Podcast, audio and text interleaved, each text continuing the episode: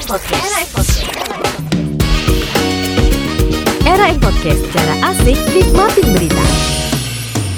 Ya balik lagi di Rain Podcast dan kali ini Rain Podcast punya 5 berita pilihan hari ini.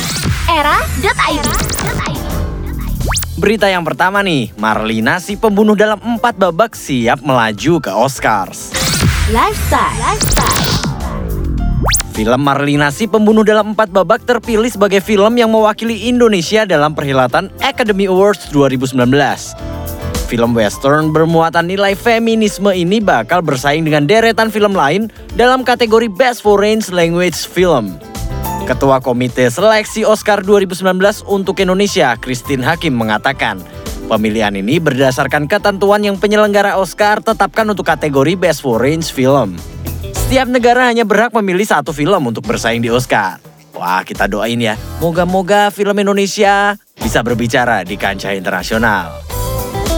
Berita yang kedua nih, mengenang sepak terjang sang gitar hero Jimi Hendrix. Lifestyle. Lifestyle.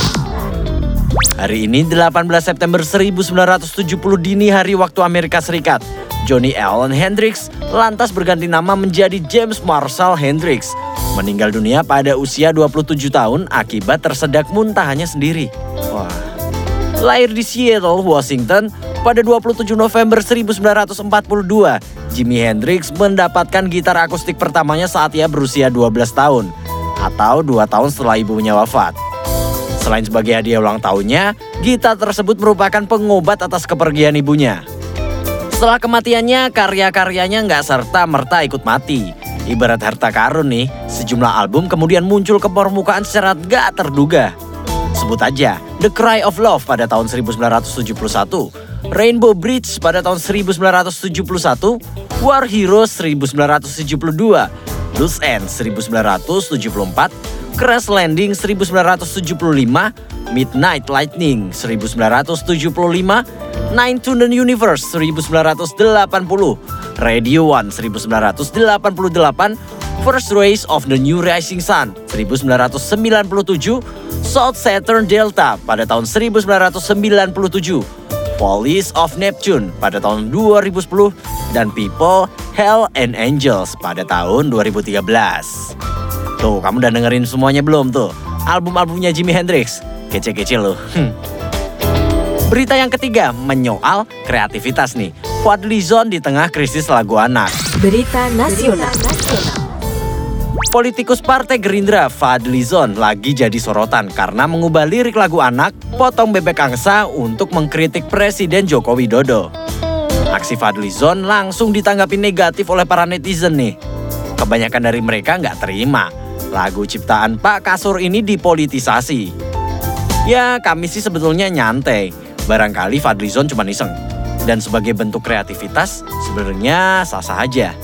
Namun kami pun rasanya bisa memahami kemarahan netizen atas tingkah Fadlizon ini.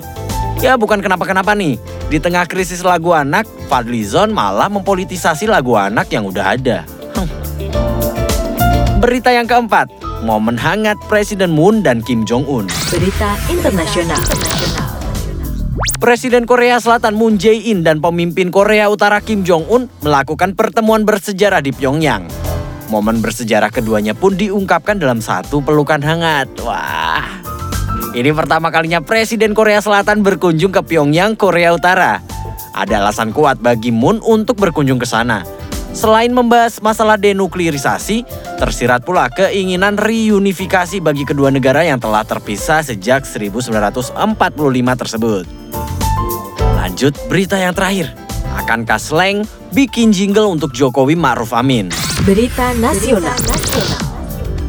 Tim kampanye nasional Jokowi Dodo Ma'ruf Amin udah menyiapkan jingle yang akan menjadi ciri dari pasangan yang diusungnya nih.